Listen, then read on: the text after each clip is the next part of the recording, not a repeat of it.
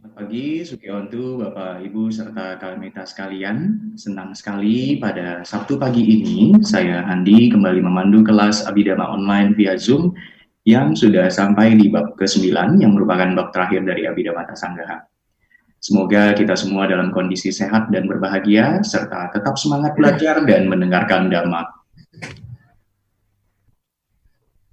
Kami ucapkan selamat bergabung di kelas Abidama Online DBS hari Sabtu tanggal 15 Agustus 2020, di mana kelas pagi ini membahas tentang subjek-subjek meditasi Kamatana Pariceda bagian yang kedua. Senang sekali kita dapat berkumpul kembali untuk melakukan kebajikan dengan mendengarkan Dhamma Desana dari Asin Kembina bersama-sama. Sambil menunggu kalian kita yang lainnya untuk turut bergabung bersama kita, kami akan membacakan beberapa pengumuman. Pengumuman yang pertama, jangan lewatkan kelas Pariyati Sasana besok pada hari Minggu tanggal 16 Agustus 2020, di mana Bante Keminda akan membahas khotbah dari Buddha yaitu khotbah tentang penghentian bentuk-bentuk pikiran yang mengganggu bagian pertama, Vitaka Santana Sutta, melalui Zoom dan live streaming YouTube. Selanjutnya, kami juga informasikan kembali bahwa DBS akan mengadakan acara live peluncuran buku manual Abhidhamma bab ke-7 volume yang pertama pada tanggal 20 Agustus 2020 via Zoom yang juga akan dihadiri oleh empat keynote speaker yang ada di layar Anda saat ini. DBS juga akan memberikan buku manual Abhidhamma bab ke-7 volume yang pertama ini secara gratis kepada kalian kita semuanya dengan cara yang pertama, daftarkan diri Anda dengan Google Form melalui tautan yang ada di chat Zoom atau YouTube nanti dan juga sudah kami informasikan melalui WhatsApp Plus ya. Yang berikutnya uh, kami perlu informasikan bahwa Kalmita yang akan menerima buku ini secara gratis adalah hanya yang mendaftar dan join atau mengikuti acara sepenuhnya pada tanggal 20 Agustus 2020 nanti.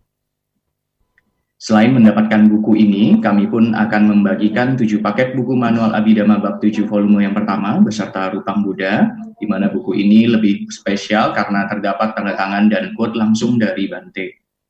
Caranya mudah, cukup dengan mengikuti acara peluncuran buku ini dan menjawab pertanyaan yang akan kami berikan pada saat tengah acara. Jadi segera daftarkan diri Anda ya sekarang dan pastikan Anda mengikuti acara peluncuran buku ini melalui Zoom pada tanggal 20 Agustus nanti. Berikutnya, kami informasikan segera terbit buku manual Abhidhamma Bab ke-7, volume yang kedua, kategori-kategori yang akan menjelaskan 72 Dhamma realitas hakiki yang terdiri dari Akusala Sanggaha, Misakasa Sanggaha, Bodhipakya Sanggaha, dan Sabah Sanggaha. Kami membuka kesempatan perdana kepada kalian mita dengan kode 23 batas akhir 25 Oktober 2020. Berikutnya, telah terbit buku 9 Sifat Agung Buddha edisi yang kedua yang diperbaharui. Bagi kalian mita yang berminat bisa menghubungi sekretariat IBS di 0813 8700 3600 atau masuk ke tautan bit.ly garis miring DBS Book. Dengan hadirnya DBS selama empat tahun ini, harapan kami manfaat dari kehadiran DBS dapat dirasakan seluruh umat Buddha di pelosok Nusantara. Kami kembali mengajak Kalemita bergabung dalam komunitas penyokong ajaran Buddha, Buddha Sasana Dugaha, dengan membantu mendanai operasional DBS. Untuk dana rutin dapat ditransfer ke rekening Yayasan DBS seperti yang ada di layar Anda saat ini. Kami juga terus mencoba untuk memberikan kemudahan untuk cara berdana bagi Anda dan sekeluarga, dengan berdana melalui GoPay, di mana kode di antaranya ada sebagai berikut, ya, 00 untuk operasional DBS, 01 untuk keperluan Sangga, 02 pendidikan Samanera dan Sengalai, 03 untuk penerbitan buku, 08 tawaradana dan 10 untuk perpustakaan. Supaya tidak ketinggalan berita-berita DBS, mari kami mengajak kalian minta untuk segera bergabung dalam WA Group Komunitas Buddha Sasana Nugaha DBS, di mana bisa di, uh, di join dengan melalui tautan yang ada di layar Anda, di mana kami akan selalu menginformasikan bahwa eh, informasi-informasi, kegiatan-kegiatan yang akan dilakukan oleh DBS, informasi buku-buku yang bisa Anda pesan, informasi penggalangan dana buku, dan lain-lain. Terakhir, jangan lupa untuk follow, subscribe, dan like YouTube, Facebook, serta Instagram DBS supaya tidak ketinggalan informasi tersebut.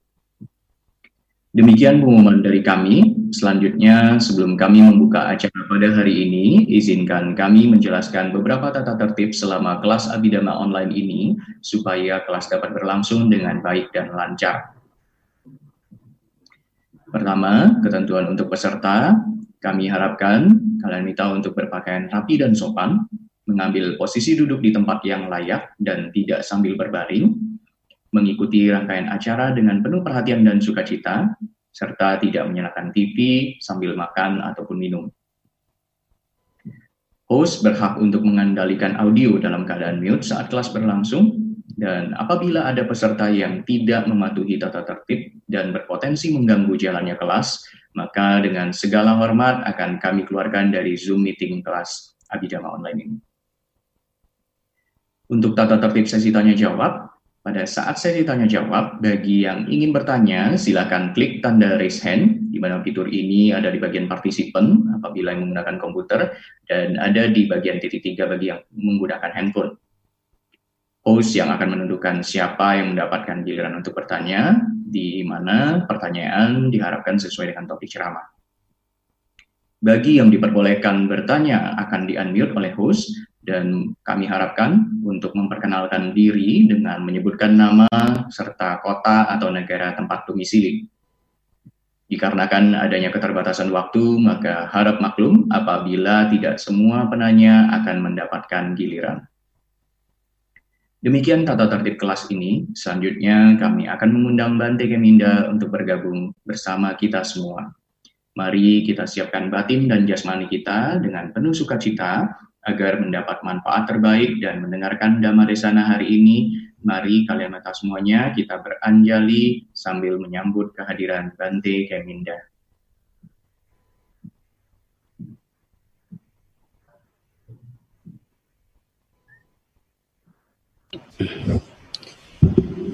Ya, Suki untuk semuanya.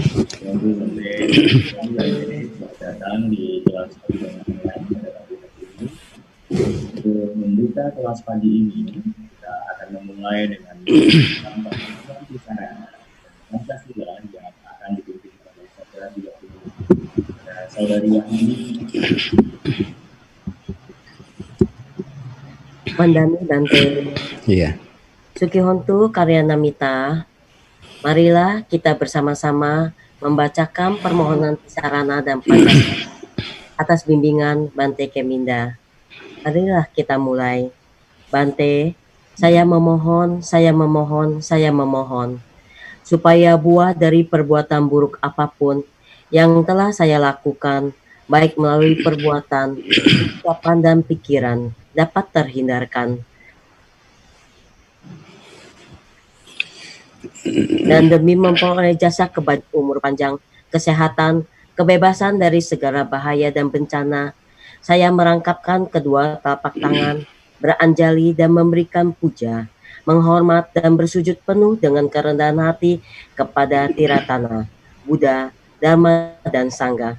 Untuk kedua kalinya, untuk ketiga kalinya, dan dengan perbuatan yang baik ini, Mulai sujud yang luhur, semoga saya selalu terbebas dari empat alam menyedihkan. Tiga jenis malapetaka, delapan jenis keadaan yang tidak tepat, lima jenis musuh, empat jenis kemalangan, lima jenis kehilangan, segala jenis penyakit, dan 62 pandangan salah, serta secepatnya mencapai jalan kebebasan maga, buah, pala, dan dharma mulia, yaitu nibana ahang bante di saranena saha pancasilang damang ya cami anugahang katwa silang deta ne bante duti ampi ahang bante di saranena saha pancasilang damang ya cami Anugahang katwa silang deta me bante dati ampi ahang bante di saranena saha banta silang namang ya cami anugahang katwa silang deta me bante Ya mahang wadami tang wadeda Amabante.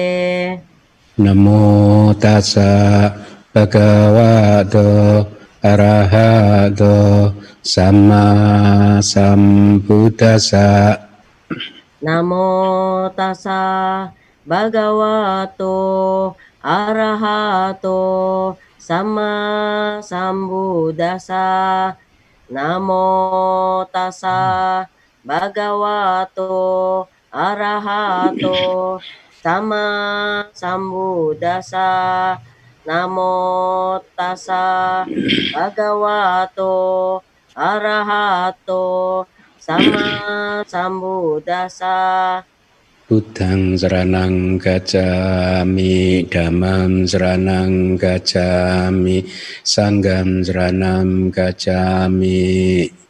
Udang saranang gacami, damang saranang gacami, sanggang saranang gacami. Dutiyampi Buddham Saranam Gacami Dutiyampi Dhammam Saranam Gacami Dutiyampi Sanggam Saranam Gacami Dutiampi budang saranang gacami. Dutiampi damang saranang gacami. Dutiampi sanggang saranang gacami. Tatiyampi Buddham Saranam Gacami. Tatiyampi Dhammam Saranam Gacami Tatiyampi Sanggam Saranam Gacami. Tatiampi budang saranang gacami.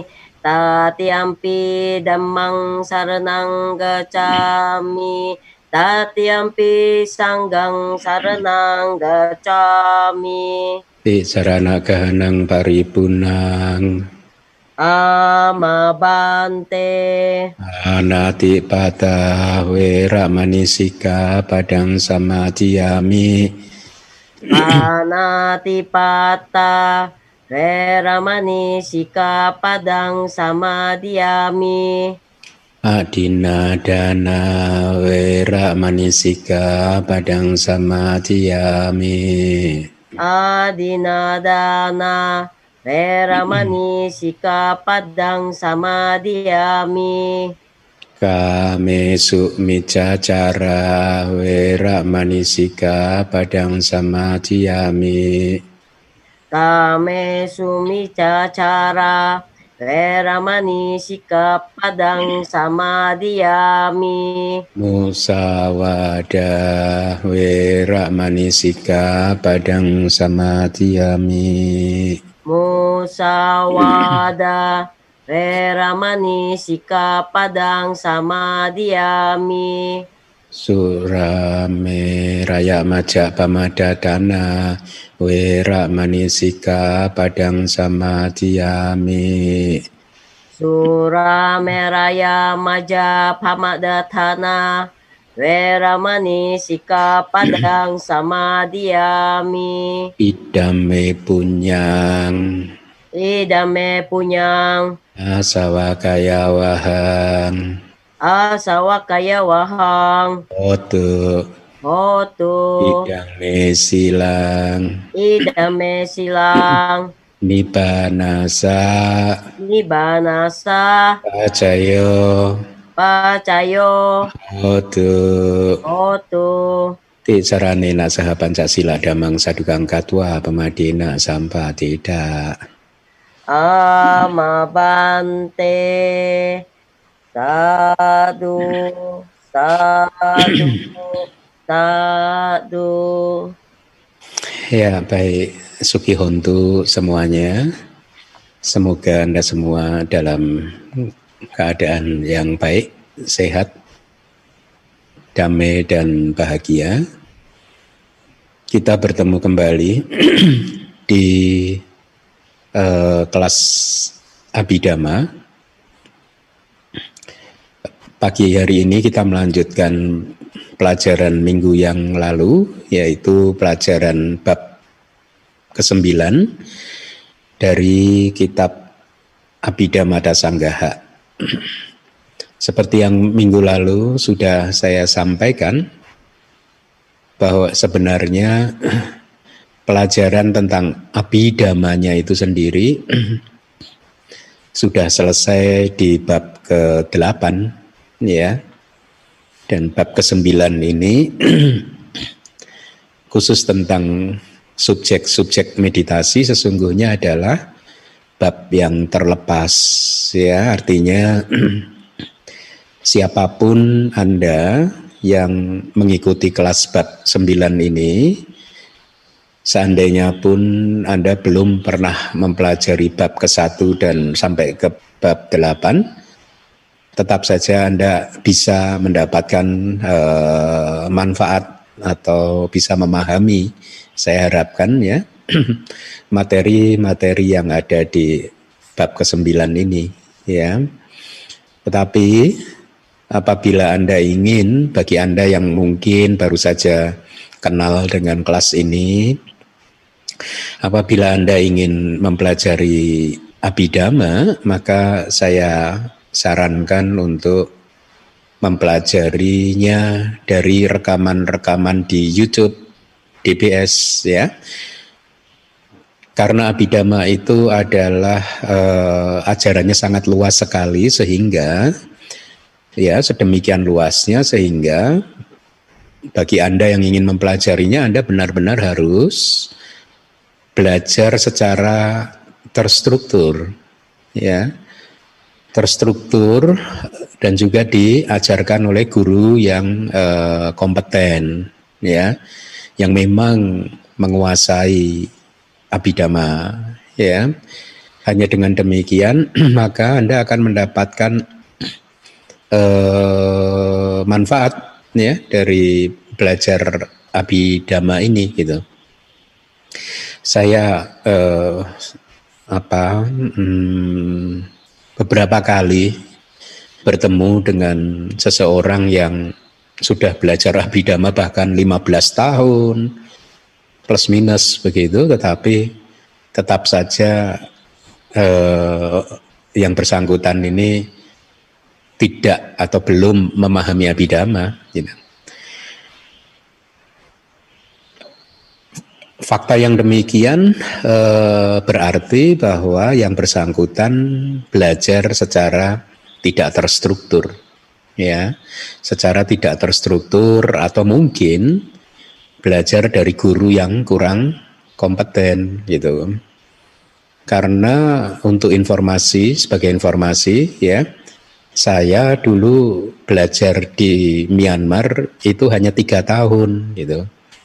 Hanya tiga tahun tetapi karena guru saya ini sangat kompeten ya sangat menguasai eh, beliau ini meskipun seorang seyale ya tapi ketika menempuh pendidikan monastik tradisional Dhamma Acarya untuk jenjang Dhamma Acarya beliau ini ibaratnya apa? Uh, lulusan terbaik itu nomor satu di seluruh negeri Myanmar. Dan yang mengagumkan adalah kitab-kitab itu dihafal sama beliau di luar kepala gitu. Sehingga saya beruntung sekali selama tiga tahun itu sejak semester awal sampai semester akhir di tahun ketiga itu saya dibimbing oleh uh, saya ini gitu. Walaupun sempat satu semester disela oleh guru yang lain gitu tapi saya cukup beruntung karena dari enam semester saya lima semester dibimbing oleh beliau gitu. Dan boleh dikatakan selama dibimbing oleh beliau itu saya intensif juga gitu ya dengan beliau sering bertanya kepada beliau sehingga dengan cara belajar yang demikian saya merasakan cukup efektif gitu.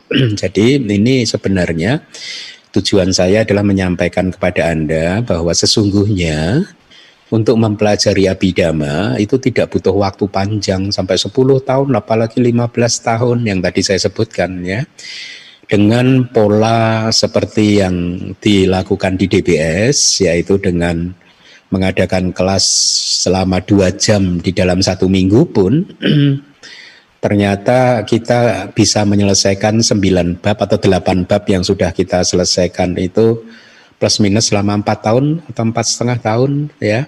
Ya kira-kira seperti itu. Itu selesai sampai ke bab ke delapan apa uh, ini uh, apa uh, jadi tidak membutuhkan waktu yang uh, panjang gitu. Ya. Nah oleh karena itu uh, sekarang ini cukup apa uh, uh, harusnya kondisinya menjadi cukup bagus ya karena di samping ceramah-ceramah dari uh, eh, DBS ada di YouTube kita, juga buku-buku kita juga uh, apa lengkap begitu, lengkap uh, dan itu semua dari apa uh, dari terjemahan kitab uh, komentar dan kitab sub komentar. Oleh karena itu bagi anda yang belum uh, memilikinya, saya juga sarankan Anda untuk apa bisa um, uh, memesannya karena buku itu dibagikan dengan uh, gratis. Demikian dari uh, prolog dari saya. Uh, mari kita mulai pelajaran kelas pagi hari ini. Saya minta PIC untuk menampilkan slide-nya ya. Ya, yang slide pertama. Jadi kita masuk di uh, sub topik yang baru yaitu nimita beda ya nimita beda beda itu adalah bisa diterjemahkan menjadi jenis atau jenis-jenis plural di sini atau juga bisa kita terjemahkan menjadi pembagian begitu juga bisa ya. Sementara nimita itu adalah tanda atau citra ya. Kalau berkaitan dengan eh, tanda yang menjadi objek meditasi kita maka itu adalah eh, citra ya, eh, citra eh, meditasi. Seperti yang Anda bisa lihat di layar tanda dari uh, jenis jenis uh, tanda yang dikenal di dalam meditasi ada tiga. Itu seperti yang di layar. Anda bisa hafalkan bahasa palinya pari kama nimita kemudian nomor dua adalah ugaha nimita. Nomor tiga adalah padi baga nimita ya. Jadi eh, itu adalah tanda ya atau citra ya yang seharusnya dipahami di dalam eh, meditasi. Terjemahannya juga sudah saya sertakan yaitu pari kama nimita itu adalah tanda pendahuluan sementara ugaha nimita adalah tanda pemelajaran ya. Artinya objek yang harus dikembangkan dipelajari itu uh, ugaha itu bisa diartikan sebagai pembelajaran ya learning bisa juga berarti sebagai kayak taking up gitu diambil ya. Jadi biasanya uh, kalau misalkan kita berlatih meditasi kasina itu uh, bentuk atau benda yang disebut kasina katakanlah kasina merah begitu ya, uh, uh, satu cakram begitu uh, yang diberi warna merah, bendanya itu sendiri disebut sebagai parikama nimita atau uh, tanda pendahuluan atau citra pendahuluan. Kemudian kita mengamati tanda tersebut dengan mata terbuka sambil mencoba mengembangkan persepsi tentang uh, citra atau tanda pendahuluan tersebut ya sehingga sedemikian rupa persepsi kita ketika sudah menjadi kuat dan pada saat kita memejamkan mata kita bisa melihat uh, bayangan atau citra dari uh, kasina merah tadi katakanlah ya uh, apa hmm, di mental kita ketika kita memejamkan mata. Nah, kalau kita sudah berhasil mempertahankan kasina tersebut dengan memejamkan mata dan kasina itu terpantul, tercermin di dalam mental atau batin kita, begitu, dan kita bisa mempertahankannya untuk jangka katakanlah dua menit, tiga menit, lima menit, begitu, dan kita sudah mulai terampil untuk mengambil tanda pendahuluan tadi, maka tanda yang terpantul di mental kita itu tadi disebut sebagai ugaha nimita. Makanya ugaha juga bisa diambil uh, diartikan sebagai uh, citra uh, yang diambil atau pengambilan begitu ya. Atau juga citra yang harus dipelajari. Makanya di saya terjemahkan saja menjadi citra atau tanda pembelajaran. Ya ketika yogi sudah terampil untuk menghadirkan tanda pembelajaran, maka biasanya yogi tersebut akan uh, mencari tempat yang terpencil, menyendiri untuk mengembangkan keterampilannya di dalam mengamati citra tadi atau tanda pembelajaran tadi, ya. Nah, kalau dia semakin terampil, kemudian eh, tanda itu bisa dipertahankan untuk jangka waktu yang lama, satu jam, dua jam atau lebih. Makin lama tanda tersebut menjadi semakin jernih, cemerlang, bersih, ya tanpa cacat. Nah, itu adalah yang disebut sebagai tanda serupa atau yang ketiga yang ada di layar, ya. Nah. Wibawa Winidika uh, menjelaskan begini, ya itu ada di layar. Jadi tanda atau citra untuk meditasi uh, yang disebut tanda pendahuluan disebut demikian karena keadaannya yang menjadi objek meditasi, ya dan uh, contohnya adalah cakram, uh, kasina dan lain-lain. Cakram itu kayak hmm, lingkaran begitu ya, ya kayak cakram ya, bulat begitu. Karena biasanya kasina yang hmm, berbentuk itu ya kasina merah, kuning dan uh, yang lain itu biasanya dibentuk bulat begitu. Ya, maka kita istilah. Dan arti dari kasina sendiri juga bisa diterjemahkan jadi cakram gitu ya maka kita sebut aja ini cakram kasina. Meskipun kasina juga bisa diartikan uh, dengan kata yang lain yaitu the whole, yaitu keseluruhan gitu ya. Jadi cakram kesara keseluruhan. Nah, jadi itu tanda pendahuluan yaitu uh, disebut demikian karena keadaannya yang menjadi objek meditasi gitu. Kemudian Cakram, kasina, dan lain-lain itu sendiri itu adalah tanda yang seharusnya dipelajari oleh uh, batin uh, seperti seolah-olah dilihat dengan mata gitu ya. Uh, atau itu adalah tanda untuk seseorang yang mempelajarinya yang disebut sebagai tanda pembelajaran. Ugaha nimita seperti yang tadi sudah saya sampaikan kan ya?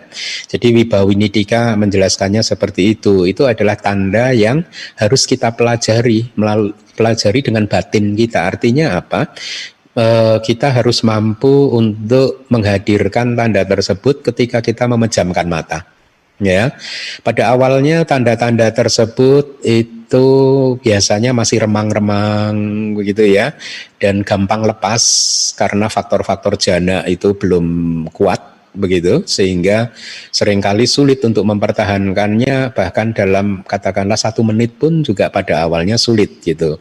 Tapi dengan latihan yang gigih dan berulang-ulang maka eh, apa yogi yang paraminya cukup dan juga kebajikannya cukup, biasanya bisa e, mempertahankan objek mental tersebut ya. Nah, objek awal yang menjadi objek mental ini disebut sebagai ugaha nimita gitu. Selanjutnya Wibawinitika mendefinisikan tanda serupa atau pati baga nimita yaitu e, sebuah tanda yang tanpa cacat lihat tanpa cacat. Ya jadi biasanya dia cemerlang jernih bahkan warna sinarnya itu menjadi lebih cemerlang begitu. Lebih lebih uh, bersinar begitu dibandingkan uh, bahkan aslinya gitu. Karena kadang kalau ketika kita membuat kasina apa pun ya cakram-cakram kasina itu itu ada cacat-cacatnya, misalkan ada garisnya ya eh, di sebelah mana pun begitu. Kalau di ugaha nimita tanda itu kadang masih kelihatan Itu tanda itu masih kelihatan di refleksi pantulan mental kita. Tetapi di patik baga nimita eh, cacat-cacat tersebut sudah hilang. Jadi dia jernih tanpa cacat begitu ya. Eh, bahkan menjadi lebih cemerlang dari wujud aslinya gitu. Bahkan eh, kalau bagi yogi-yogi yang terampil kadang dia memanggil wajahnya sendiri pun bisa gitu. Eh, mereka yang konsentrasinya sudah kuat memanggil eh, eh, apa citra dari wajah dirinya sendiri pun bisa. Dan eh, dia akan melihat wajah dirinya sendiri yang juga lebih cemerlang, lebih bersinar, eh, lebih uh, apa lebih api rupa api rupa itu kalau laki-laki ya ganteng perempuan itu jadi terlihat mungkin lebih cantik begitu. Jadi lebih bagus lebih sempurna dibandingkan wajahnya sendiri itu ya itulah uh, ciri dari Padik Baga Nimita gitu ya. Dia tanpa cacat, objeknya tanpa cacat ya dan menjadi objek ketika Anda sudah berhasil menghadirkan patik baga nimita tadi, maka yang mengambil objek patik baga nimita itu adalah dua jenis konsentrasi, yaitu upacara samadhi dan apana samadhi atau konsentrasi akses dan juga apana itu absorpsi atau jana ya. Jadi objek dari upacara samadhi dan juga apana samadhi atau kata lainnya adalah jana itu adalah pati baga nimita ya tanda yang serupa. Uh, tolong slide berikutnya ditampilkan dari hmm, ini harusnya dari Abhidhamma Sanggaha. Kadang patawi kasinang, ngapo kasinang, tejo kasinang, wayo kasinang dan uh, seterusnya. Bagaimana itu kata Abhidhamma Sanggaha? Uh, jadi di sini adalah uh, Acarya Anuruddha mengelaborasi 10 kasina, 10 jenis kasina. Ya, Anda bisa hafalkan itu bahasa palinya yang pertama adalah Patawi kasina, Apo kasina, Tejo kasina dan uh, seterusnya. Bahasa Indonesianya ada di next slide yaitu kasina tanah, kasina air, kasina api, kasina angin, kasina biru, kuning, merah, putih, kasina angkasa, kasina cahaya, ya. Jadi demikian itulah yang dinamakan uh, 10 kasina gitu. Nah, kasina tanah itu adalah sebuah cakram kasina yang tidak lain adalah tanah atau bumi itu sendiri. Kadang seseorang bisa mengamati bumi saja begitu. Ya tidak hanya cakram uh, membuat cakram yang uh, berwujud tan uh, dari tanah begitu tapi dia bisa mengamati bumi itu sendiri. Dalam arti bumi secara keseluruhannya begitu. Karena uh, dengan tanpa berhenti pada satu bagian apa pun kasina ini menyebar tanpa batas. Demikian kata Wibawinitika yang artinya ketika Anda sudah berhasil mendapatkan uh, padi baga nimita, biasanya guru akan meminta Anda untuk uh, expand, untuk membesarkan cakram-cakram kasina tersebut ya, ke kanan, ke kiri, ke atas, ke bawah sampai tanpa batas gitu. Sampai benar-benar tanpa batas seolah-olah bahkan dirinya sendiri pun dilingkupi oleh uh, kasina-kasina tersebut gitu. Nah, tanda serupa dan jana yang memiliki objek tersebut disebut sebagai kasina tanah ini dari Wibawinidika. Uh, saya juga kurang bi uh, bisa memahami artinya. Jadi uh, Wibawini mengatakan tanda serupa dan jananya sendiri yang mengambil objek itu disebut sebagai kasina tanah. Gitu. Kemarin hmm, saya mencoba untuk memahami kalimat tersebut, tetapi uh, ya masih masih obscure uh, remang-remang begitu ya. Jadi harusnya kasina tanah itu ya itu tadi uh, apa dalam bentuk tiga tanda tadi yaitu parikama nimita, ugaha nimita dan padik baga nimita.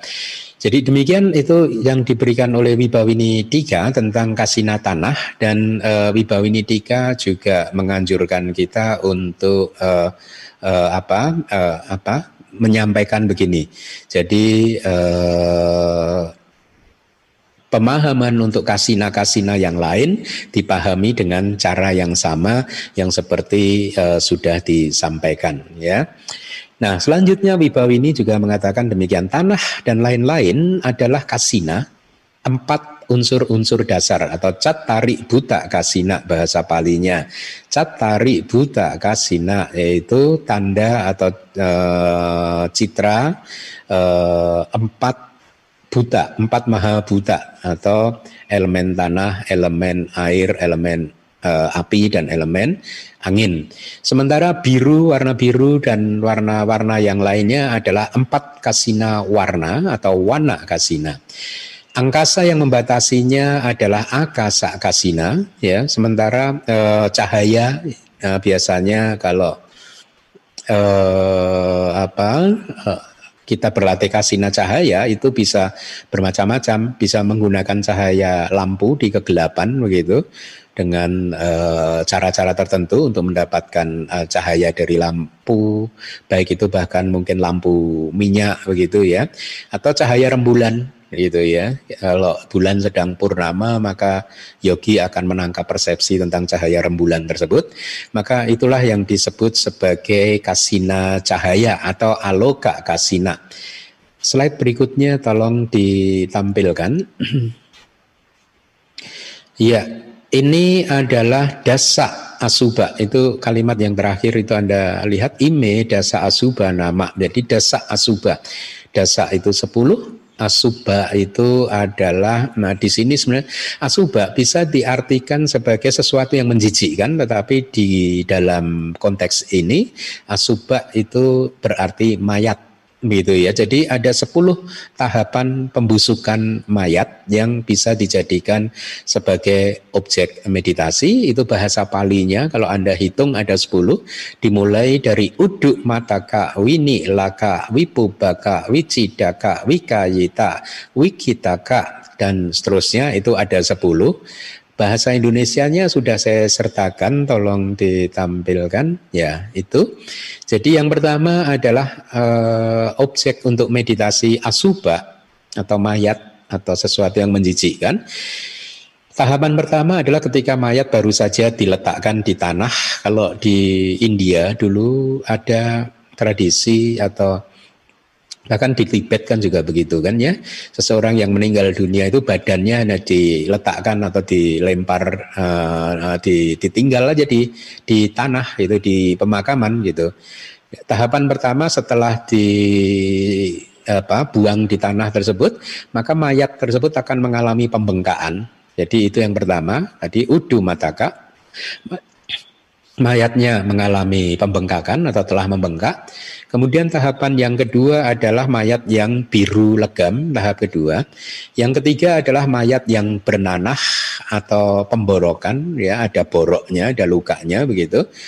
Kemudian yang keempat mayat yang sudah mulai penuh lubang, ini jadi badannya pecah-pecah begitu, biasanya eh, apa kayak terbelah gitu. Kemudian yang kelima adalah mayat yang tercapik-capik binatang, ya, mulai ada binatang yang e, memangsanya. Kemudian yang keenam adalah yang mayat yang bagian tubuhnya sudah berserakan, ya. Kemudian mayat yang terpotong-potong berserakan. Kemudian yang dipenuhi cacing, yang kedelapan, yang kesembilan mayat yang penuh darah, dan yang kesepuluh adalah mayat yang tinggal tulang belulang ya daging darahnya sudah habis mengering dan lain sebagainya demikian ini dinamakan 10 pembusukan mayat Next slide tolong ditampilkan definisi dari Wibawinidika. Udang dumatang sunang cawak sarirang udumatang tadewa kucitadena udumatakang gitu. Mayat yang telah membengkak tahapan yang pertama itu adalah sarira Ya, menarik ya. Sarira itu ternyata berasal dari bahasa Pali dan kamus besar bahasa Indonesia juga mempunyai kata sarira itu. Anda lihat di bawah itu cawak sarirang gitu. Ya. Jadi bahasa Pali dari tubuh jasmani ini salah satunya sarira gitu. Ternyata bahasa Indonesia juga punya sarira itu ya. Jadi ketika menerjemahkan saya prefer untuk memakai bahasa Indonesia kalau ada itu yang memiliki uh, suara atau tulisan sedekat mungkin dengan kata aslinya. Makanya sarira, sarira itu bahasa Pali saya terjemahkan juga sarira itu. Bagawa itu daripada yang terberkahi begitu memang siapa yang memberkahi begawa itu. Nah, ternyata kita Kamus Besar Bahasa Indonesia juga mempunyai kata yang mirip, didengarnya mirip, yaitu begawan. Makanya begawa itu saya terjemahkan jadi begawan.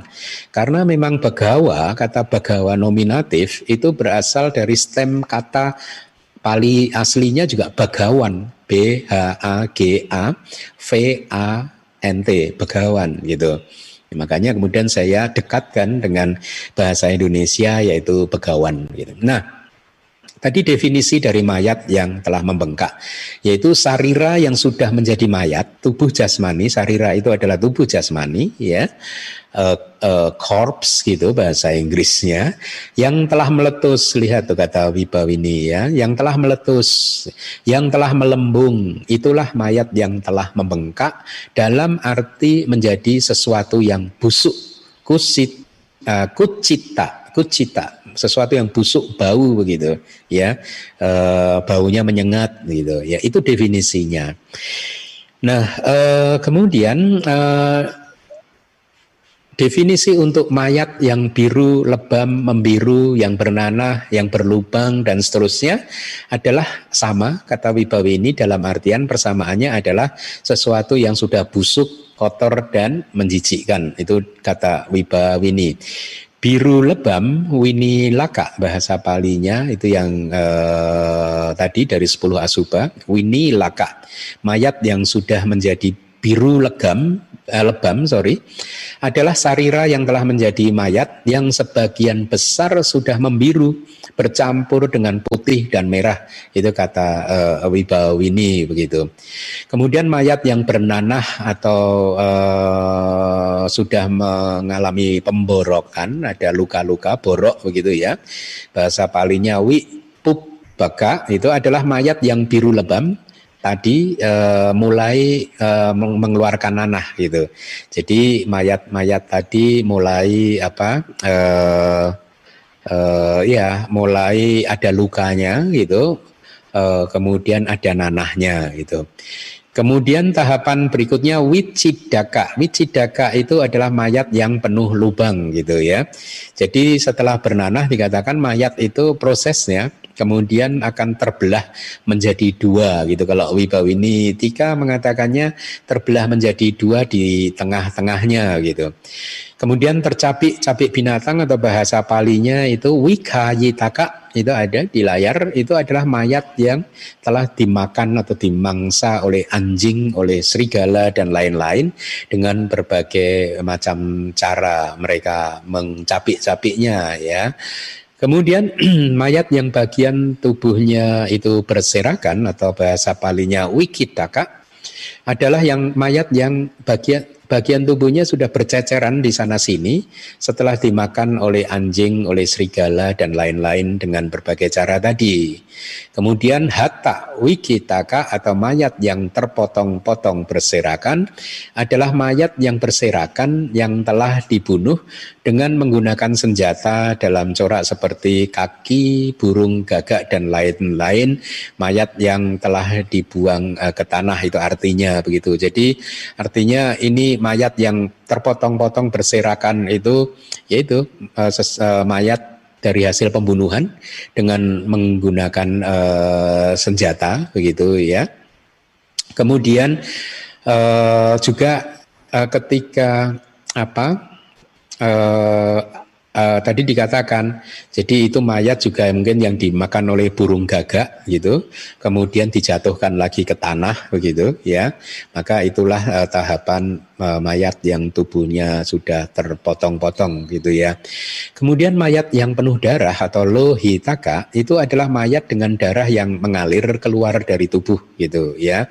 Yang dipenuhi cacing itu artinya atau bahasa palinya pula waka uh, itu yang nomor ke sembilan ya betul adalah mayat yang dipenuhi cacing yang keluar dari tubuhnya gitu. Kemudian yang terakhir adalah mayat yang tinggal tulang belulang atau bahasa palinya atika gitu ya. Uh, adalah mayat yang bahkan tinggal satu tulang pun itu juga uh, men, apa, masuk dalam definisi uh, adika atau mayat yang tinggal tulang belulang meskipun istilahnya tulang belulang tapi Wibawini mengatakan bahkan mayat yang hanya tinggal satu bat satu tulang pun itu masuk dalam uh, definisi ini gitu. Nah itu tadi adalah dasa asuba. Kemudian next slide tentang dasa anusatio, dasa anusati gitu ya. Dasa Anusati itu 10 uh, eh, terjemahan lama itu Anusati itu perenungan tapi ternyata kalau melihat kitab komentarnya gitu ya itu uh, dan juga dari struktur uh, apa bahasa palinya itu Anusati itu terdiri dari kata dasarnya sati. Sati itu perhatian penuh anu itu berulang-ulang. Jadi perhatian penuh yang berulang-ulang begitu ya. Oleh karena itu uh, saya menerjemahkannya di next slide menjadi pemusat uh, pemusatan perhatian. Jadi anusati itu terjemahannya saya pikir itu lebih bagus yaitu pemusatan perhatian ya e, dibandingkan apa perenungan ya jadi e, kalau merenung itu kadang itu e, ya Eh, saya lupa membuka KBBI-nya tapi maknanya bisa melebar ke sana sini. Kalau perenungan tetapi kalau pemusatan perhatian sudah jelas. Maka Buddha Anusati itu adalah pemusatan perhatian terhadap Buddha ya. Jadi eh, ya sekali lagi kenapa diterjemahkan pemusatan perhatian? Karena sati itu sendiri adalah perhatian penuh ya Uh, makanya di sini cukup perhatian saja. Anusati, anunya itu berulang-ulang. Jadi perhatian kepada objek yang berulang-ulang itu arti dari anusati. Makanya kata pemusatan perhatian juga uh, uh, apa hmm, cocok dengan makna dari anusati ini ya. Nah, yang pertama adalah Buddha Anusati. Buddha Anusati itu ya, pemusatan perhatian terhadap Buddha, kemudian terhadap ajaran atau dhamma, kemudian pemusatan perhatian terhadap samga. Ya, Anda lihat itu, samga itu di Wibawini itu menulisnya samga itu dengan M titik, bukan N. Ya, di Myanmar sebenarnya juga samga itu juga M titik itu. Tetapi eh, yang kita umum ketahui samga itu n titik gitu ya. Nah, kemudian sila nusati adalah pemusatan perhatian terhadap sila, caga nusati adalah pemusatan perhatian terhadap kemurahan hati, dewata nusati adalah pemusatan perhatian terhadap para dewata. Kemudian uh, yang ke berikutnya adalah pemusatan perhatian terhadap uh, ketentraman ya. Kemudian pemusatan perhatian terhadap kematian marananusati Kemudian yang berikutnya adalah perhatian penuh yang tertuju pada tubuh atau bahasa palinya kaya kata sati. Anda sering mendengar itu. Kemudian perhatian penuh terhadap nafas masuk dan nafas keluar uh, ana panasati. Jadi demikian ini dinamakan uh, 10 pemusatan perhatian atau dasa anusati. Nah, next slide. Wibawinidika mendefinisikan pemusatan perhatian terhadap Buddha seperti yang ada di layar, ya. Yaitu pemusatan perhatian atau anusati ya adalah pertama dijelaskan. Pemusatan perhatian itu adalah ingatan yang berulang-ulang, ya. E, di sini lebih ke ingatan, ya. Uh, tapi sebenarnya ketika Anda mengingat di sana ada perhatian terhadap apa yang harus Anda ingat dan apa yang uh, diingat, bukan? Ya.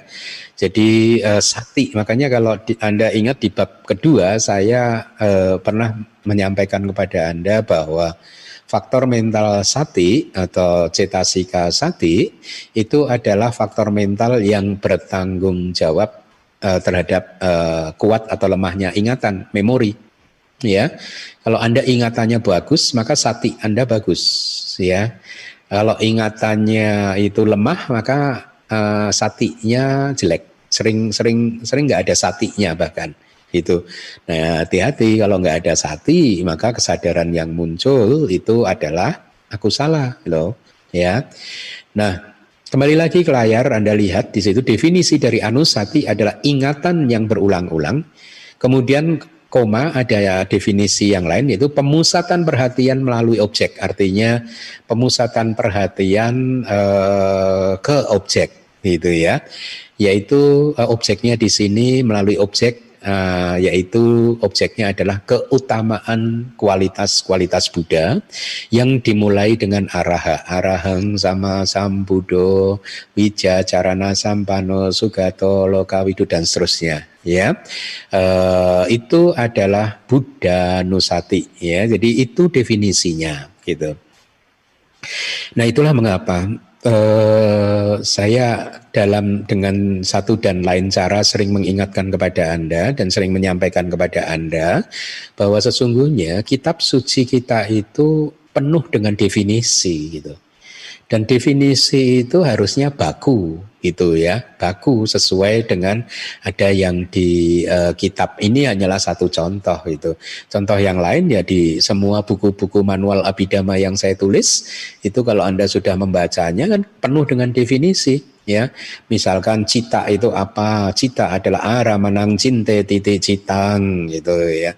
Uh, kemudian artinya adalah uh, uh, apa wisaya uh, pejana titi atau itu jadi mengetahui objek itu artinya atau Nah, itulah. Maka kadang sering orang keliru menerjemahkan juga. Dan inilah mengapa ya saya menyampaikan ini kembali untuk menekankan uh, atau ingin menginginkan Anda untuk memahami bahwa Ketika membaca kitab suci tanpa bantuan kitab komentar dan kitab subkomentar itu maka akan sulit membaca Tripitaka saja karena artinya itu sering kali berbeda.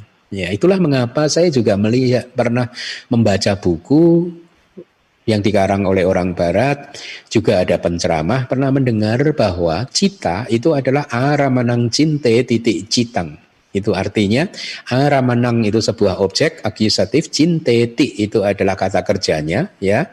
Memikirkan objek Itulah mengapa disebut sebagai cita. Jadi cita adalah sesuatu yang memikirkan objek gitu dan akhirnya di buku dan juga penceramah tersebut mengatakan cita itu mempunyai kemampuan untuk memikirkan objek. Nah, gitu. Yang bersangkutan tidak membaca penjelasan di kitab komentar ya karena penjelasan di kitab uh, komentar itu adalah uh, dijelaskan begini wisaya wijanati ti atho itu artinya adalah sebagai berikut wisaya itu objek wijanati itu adalah mengetahui. Jadi mengetahui objek itu artinya. Makanya saya saya terjemahkan jadi menyadari objek. Wijanati itu juga bisa menyadari gitu jadi cita itu tidak mempunyai kemampuan untuk berpikir. Ya, itulah mengapa pembelajaran kitab suci harus benar-benar dibuka, digencarkan di sini, begitu supaya siapa pun yang mempelajari ataupun siapa pun yang mengajarkan uh, kitab suci itu tidak keliru atau tidak mendapatkan memahami uh, memahami penjelasan secara keliru, gitu. Ya, nah, mari kita lanjutkan. Kalau Buddha Nusati adalah seperti itu, lalu apa? Uh, Dhamma Nusati dan Samga Nusati itu sama itu yaitu pemusatan perhatian melalui objek yaitu di sini objeknya kalau Sangga Nusati Dhamma Nusati objeknya adalah Dhamma itu uh, keutamaan Dhamma atau bahasa palinya uh, Dhamma guna gitu. Guna itu keutamaan dhamma itu ajaran gitu. Jadi keutamaan kualitas dari ajaran yang seperti apa? Yang seperti Anda sering uh, baca yaitu swakato bhagawata dhammo sandidiko akaliko dan uh, seterusnya gitu ya. Nah, uh, sangganusati berarti juga uh, apa seperti itu tetapi diganti objeknya yaitu keutamaan kualitas sangga yang disebut apa supatipano bagawato sawaka sanggo dan e, seterusnya. Nah, e, itu adalah uh, Buddha Nusati, Dhamma Nusati, dan Sangga Nusati. Yang berikutnya adalah Sila Nusati. Itu definisi dari Wibawinidika uh, sudah diberikan yaitu pemusatan perhatian terhadap sila itu adalah ingatan pada keutamaan sila diri kita sendiri yang sudah dimurnikan melalui keadaannya yang tidak terputus dan lain-lain. Maksudnya adalah gitu jadi kalau Anda ingin melakukan meditasi sila nusati, pertama sila Anda harus murni terlebih dahulu. Dan ada kata-kata yang tidak terputus, artinya Anda bisa mempertahankan kemurnian sila Anda katakanlah selama satu uposata ya. Satu dari satu uposata ke uposata berikutnya katakanlah berarti katakanlah dua minggu gitu. Selama dua minggu itu sila anda benar-benar bersih gitu ya. Nah sila yang murni seperti ini itu layak untuk dijadikan objek eh, apa sila nusati ya. Maka definisinya begitu. Uh, pemusatan perhatian terhadap sila adalah ingatan. Jadi kita mengingat-ingat bahwa bersyukur bahwa sejak hari uposata yang lalu sampai hari uposata yang hari ini saya berhasil uh, mempertahankan sila itu secara murni dan kita ingat terus sehingga akhirnya memunculkan piti pamoja piti kegembiraan pamoja itu keriangan gitu. Piti dan pamoja ya keriangan ya dan dari kegembiraan itu maka ketika pitik dan pamoja itu uh, muncul maka pasadi akan muncul pasadi itu ketenangan ketentraman begitu ya yang akhirnya akan membawa ke samadhi juga akan membawa ke konsentrasi gitu. Nah, saya lanjutkan tentang uh, caga anusati atau uh, definisi uh, dari pemusatan perhatian terhadap kemurahan hati itu ya, yaitu ingatan terhadap kemurahan hati uh, dari diri sendiri dengan kekuatan uh, kotoran kekikiran yang telah pergi atau bahkan telah berhenti. Begitu ya. Jadi kalau Anda ingin mempraktekkan caga anusati, pemusatan perhatian terhadap kemurahan hati Anda, maka objeknya adalah kemurahan hati diri sendiri ya. Bukan kemurahan hati orang lain. Sama dengan sila tadi. Sila diri kita sendiri bukan silanya orang lain gitu ya. Jadi kemurahan diri kita sendiri itu yang dijadikan objek untuk dijadikan objek buat uh, sati pemusatan perhatian dengan kekuatan atau melalui kotoran kekikiran yang telah pergi. Artinya uh, kita tahu bahwa selama katakanlah selama dua minggu ini kita sudah banyak berdana dan pada saat itu kita melihat bahwa kekikiran ketika berdana Anda benar-benar melepasnya itu dengan mudah tanpa ada yang menariknya kembali. Artinya tanpa ada niat hati Anda untuk uh, menyesalinya bahkan atau atau mengurungkan niat Anda, Anda benar-benar melepasnya terlepas bebas seperti itu ya. Uh, artinya berarti tidak ada macaria, tidak ada uh, ini kekikiran nanti uh, diartikan ini ya bukan bukan kekikiran dari cetasika macaria sih ini tapi dari macera juga. Artinya sesuatu yang tidak ingin melepaskan uh, sesuatu yang menjadi milik kita. Jadi bukan uh, cetasika macaria ya karena cetasika macaria itu kan berasal dari dosa cetasika gitu ya. Nah jadi dia telah pergi kekikiran itu ya atau telah berhenti Sebenarnya saya mempunyai kata lain, saya tapi lupa. Saya kekikiran itu yang bukan macaria itu hmm, apa? Saya punya CD glossary sih. saya lupa untuk melihatnya kembali. Oke, kita teruskan saja. Next slide. Dewata Anusati sekarang adalah pemusatan perhatian terhadap uh, dewata atau dewa adalah ingatan terhadap keutamaan dari sadda dan lain-lain dari diri kita sendiri, keyakinan dan lain-lain atau dan lain-lain di sini itu berarti eh, kualitas-kualitas yang baik dari kita misalkan dari dana kita tadi kemurahan hati dari sila kita juga gitu ya.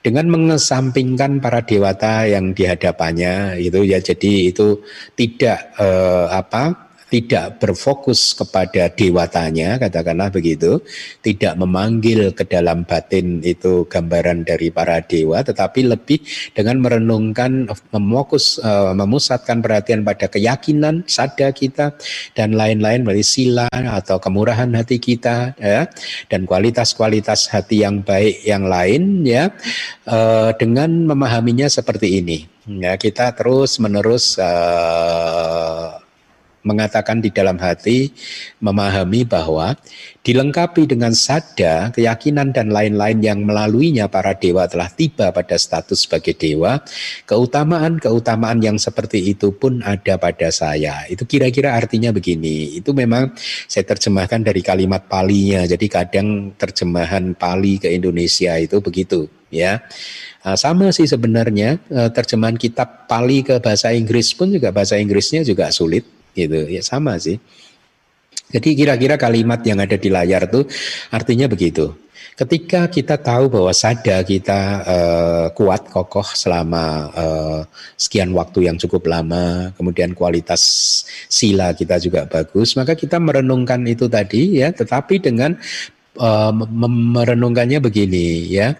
Bahwa para dewata tersebut ya itu terlahir di alam dewa seperti saat ini. Itu juga karena sada sila dana juga ya. E, mungkin juga anusati anusati yang lain ya. Kualitas kualitas baik yang lain maksud saya. E, dengan kualitas kualitas yang baik seperti itu mereka sekarang lahir di e, bumi dewa. Nah kemudian yogi akan merenung ya eh, dewa tersebut lahir dengan kualitas sada seperti yang sekarang ini juga saya punyai begitu. Jadi dengan demikian eh, akhirnya cepat atau lambat batinnya akan menjadi tenang, muncul piti dan pamoja atau kegembiraan dan keriangan. Next slide pemusatan perhatian terhadap ketentraman atau bahasa palinya upasama anusati upasama anusati itu ya. Pemusatan perhatian terhadap ketentraman adalah ingatan terhadap keutamaan nibbana yang merupakan peredaan dari segala bentuk penderitaan ya. Itu adalah definisi terhadap uh, upasama anus upasama uh, upasama itu kan ketentraman. Upasama nusati berarti pemusatan perhatian terhadap ketentraman di sini adalah ke, tentang objeknya adalah keutamaan nibana ya sebagai satu bentuk apa uh, di mana semua bentuk penderitaan itu sudah reda di sana. Next slide, pemusatan perhatian terhadap kematian itu adalah ingatan pada kematian yang merupakan penghentian indria nyawa. Ya. Jadi marana nusati itu adalah ingatan pada kematian. Nah, definisi dari kematian adalah penghentian indria nyawa. Jiwitindriyu paceda. Jiwitindriya upaceda. Upaceda itu penghentian atau putus juga bisa, pemutusan juga bisa, itu pemotongan juga bisa, ya. Jiwitindriya, jiwita itu sering uh, uh, dalam bahasa Inggris pun Civita diterjemahkan sebagai life. Uh, dan di Indonesia bahkan dulu juga awal-awal saya menerjemahkannya menjadi Civita itu adalah kehidupan. Baru belakangan setelah membuka kamus besar bahasa Indonesia ternyata nyawa itu juga berarti Civita kehidupan. Nah, maka saya pikir lebih baik menerjemahkan Civita itu menjadi nyawa dibandingkan kehidupan. Karena kehidupan itu menjadi maknanya menjadi lebar sekali. Tetapi kalau nyawa, jiwita itu adalah nyawa, kita sudah paham bahwa nyawa itu ya seperti itu. Ketika nyawanya masih ada, ya seseorang itu hidup. Ketika nyawanya putus, seseorang meninggal dunia. Gitu ya.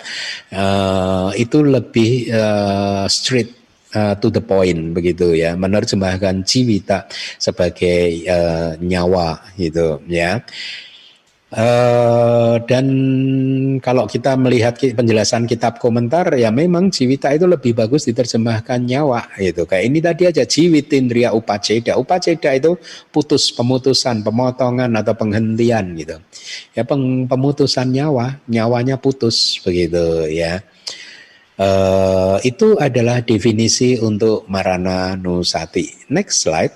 Kaya Gata Sati Definisinya adalah perhatian penuh yang tertuju pada tubuh adalah perhatian penuh yang berlangsung dan telah tiba pada bagian-bagian tubuh seperti kesalo, manaka, dan tataco dan seterusnya. Ada 32 bagian tubuh ya, yaitu rambut, kepala, kesaloma, bulu tubuh, naka, kuku, danta, gigi, taco kulit dan seterusnya. Ada 32 bagian uh, bagian tubuh yang menjadi objek untuk uh, pemusatan perhatian kita gitu. Itu adalah ka, definisi untuk kaya gata sati. Kemudian next slide anapanasati itu definisinya adalah nafas masuk keluar. Jadi ini sebenarnya kalau Anda lihat itu kalimat pali yang di bawah itu lihat ananca apananca anapanang gitu. Ananca itu anangca berarti nafas masuk cak dan apana nafas yang tidak masuk berarti lawan dari tidak masuk berarti keluar gitu adalah anapanang gitu. Jadi Anda sering mendengar kata anapana gitu kan. Maka definisinya itu anapana adalah ananca apananca gitu. Atau koma asasa pasasa gitu. Itu definisinya. Jadi eh, akhirnya saya terjemahkan di bahasa Indonesianya seperti yang ada di layar. Nafas masuk dan nafas keluar adalah anapana. Nafas masuk, strip keluar. itu ya kira-kira begitu gitu. Atau asasa pasasa asasa itu penghirupan nafas pasasa itu penghembusan ya. Inhale exhale gitu. Penghembusan nafas gitu. Nafas menghembus menghirup dan menghembuskannya gitu. Nah tat aramanasati perhatian penuh uh, melalui objek tersebut ya atau dari objek tersebut adalah anapanasati. Perhatian penuh terhadap nafas masuk dan nafas keluar atau perhatian penuh kalau mau konsisten di, dengan di atas perhatian penuh terhadap nafas masuk strip keluar gitu. Atau nafas masuk strip nafas keluar gitu. Nah, itu adalah definisi dari eh, apa tadi? Dasa anusati atau sepuluh uh, pemusatan uh, perhatian. Sekali lagi, uh, apalagi khususnya ya Abidama, itu kitab Abidama itu penuh dengan definisi, ya, penuh dengan definisi uh, uh, yang harus kita definisikan secara uh, apa akurat, begitu ya. Memang idealnya uh, bagi para pabajita itu cara belajarnya itu seperti cara belajar di Myanmar gitu. Mereka masuk ke wihara memakai jubah menjadi samanera sejak usia muda. Dan eh, sejak usia muda itu mereka eh, apa kewajiban sehari-harinya ya hanya menghafal kitab suci. Karena memang kitab suci ini sangat banyak sekali sangat uh, menakjubkan untuk mengetahui bahwa mempelajari kitab suci dari teman-teman saya yang menjadi samanera di usia 7 tahun, 8 tahun, 9 tahun gitu yang di bawah 10 tahun gitu. Itu sampai lulus Dhamma Acarya yaitu di usia 22 biasanya 23 begitu. Itu pun belum semuanya dihafal ya belum semua kitab komentar atau bahkan Pali Tipitaka, Pali Kanon, komentar dan subkomentar belum semuanya dihafal untuk waktu yang sekian lamanya itu ya. Tapi tentu saja ketika lulus Dhamma Acarya itu makanya gelarnya aja Dhamma Acarya kan, guru Dhamma artinya mereka yang sudah mempunyai gelar ini kayak tersertifikasi adalah seorang guru dhamma yang diizinkan untuk uh, mengajar uh, apa uh, mengajar dhamma atau berceramah begitu. Uh, walaupun belum semuanya dihafal, tetapi inti sarinya itu uh, semua inti sarinya sudah dihafal, uh, sudah mereka hafalkan gitu. Itu mirip dengan pengalaman saya ketika belajar di ITBMU uh, Yangon, Myanmar. Itu walaupun belajar tiga tahun gitu, uh, kita S1-nya itu hanya tiga tahun, itu saya merasakan kurikulumnya sangat bagus begitu, sedemikian bagusnya sehingga ketika lulus tiga tahun itu kita mendapatkan bekal yang cukup Itulah mengapa rektornya, rektor Seado di ITBMU ketika mewisuda uh, lulusannya S1 itu uh, salah satu kalimatnya adalah uh, yang saya ingat persis yaitu spread the dhamma to the whole world. Jadi kita diizinkan bahkan untuk uh, menyebarkan dhamma, mengajarkan dhamma ke seluruh penjuru di dunia. Bayangkan hanya tiga tahun loh, hanya tiga tahun. Itu kita uh, waktu wisuda, waktu zaman saya itu ada kalimat seperti itu. Jadi uh, apa dan kenapa saya sampaikan ini lagi ya karena saya ingin anda juga memahami bahwa sesungguhnya belajar dhamma itu tidak butuh waktu seumur hidup seharusnya ya dengan catatan Anda belajar secara terstruktur dan dari guru yang kompeten gitu. Enggak butuh waktu panjang ya. Saya rasa murid-murid saya tidak membantah ini ya karena mereka pun juga banyak rata-rata dari murid yang di DBS itu ketika kenal saya itu mereka dari angka nol nggak tahu apa-apa juga itu terus langsung masuk belajar di DBS dan saya rasa eh, tiga empat tahun atau lima tahun ini uh, mereka bisa uh, mengkonfirmasi bahwa belajar ajaran itu sesungguhnya tidak membutuhkan waktu uh, seumur hidup. Harusnya dengan pola seperti yang diadakan di DBS ini ya empat lima tahun selesai harusnya. Ya, pemahaman harusnya sudah cukup bagus, artinya Anda bisa mengelola kehidupan Anda dengan uh, lebih baik, ya, menjadi mandiri di dalam mengelola kehidupan. Anda sudah bisa menjudge mana yang aku salah dan mana yang ku salah, sehingga Anda bisa dengan mudah meninggalkan yang aku salah dan uh, mengembangkan yang uh, ku salah, ya. Nah, uh, ini poin ini akan uh, terus saya tekankan supaya atau demi uh, belas kasih kepada Anda semua supaya Anda itu bisa memahami ajaran Buddha dengan baik dan tidak membutuhkan waktu yang lama. Tapi syaratnya itu tadi belajar secara benar artinya terstruktur ya memakai kitab. Nah, ini penting memakai kitab. Itu memakai kitab. Gitu lihatlah eh, pembelajaran di DBS ini kita usahakan selalu memakai kitab gitu. Ya. Eh, di kelas ini pun ini semua yang disampaikan adalah dari kitab komentar dan kitab subkomentarnya begitu. Jadi eh, saya mencoba menghindari menghindari situasi di mana saya akan berakrobat intelektualitas. itu istilah saya akrobat intelektual gitu. Artinya akrobat itu kan jungkir balik intelektual gitu. Mencoba untuk e, mengajarkan abidama sesuai interpretasi sendiri dan lain sebagainya. Enggak. Karena kalau seperti itu nanti akan sulit untuk belajar secara terstruktur. Pelajaran secara terstruktur itu hanya bisa e, dicapai kalau gurunya mengajarkannya sesuai kitab atau mengikuti urut-urutan yang ada di kitab di buku begitu kan? Sekarang bukunya sudah banyak. Manual 1 sampai 7 sebentar lagi hadir. Itu boleh dijadikan buku pegangan.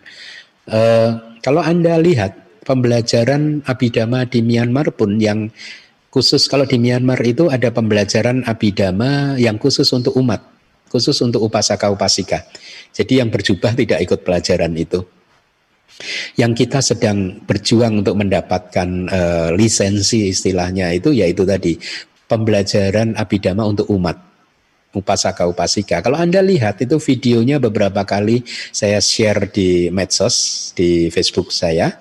Kalau Anda lihat gurunya yaitu Dekamaji ya Dekamaji itu uh, perempuan ya uh, Sayama itu guru perempuan itu dia mengajar abidama di depannya ada buku itu di depannya ada buku.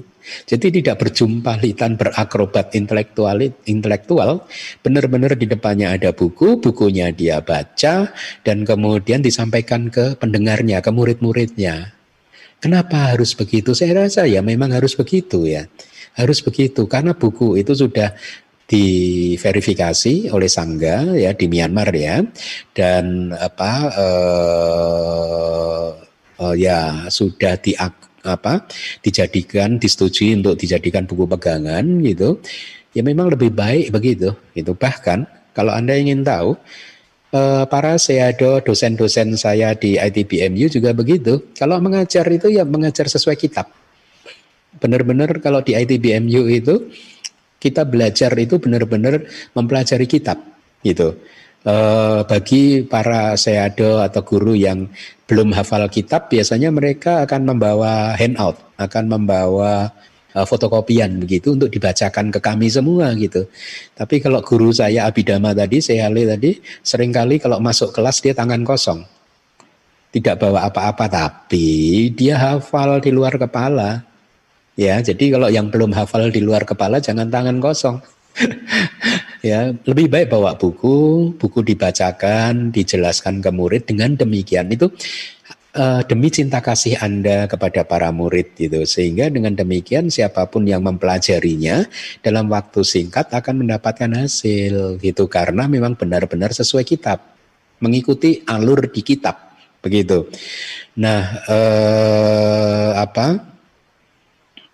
uh, sebagai seorang guru kan ada tanggung jawab moral spiritual juga untuk memastikan bahwa murid yang mendengarkan kita itu benar-benar bisa mendapatkan ajaran yang sesuai kitab dan bisa mendapatkan manfaat yang besar tidak hanya untuk kelahiran murid-murid di yang saat ini tetapi juga untuk kelahiran semua murid-murid itu di eh, masa-masa yang akan datang. Nah, itu harus menjadi motivasi uh, atau niat dari siapa pun yang menjadi guru dhamma gitu. Baik, demikian dari saya. Uh, terima kasih, semoga bermanfaat. Uh, Mendengar nanti atas penjelasan kepada kami bagi ini.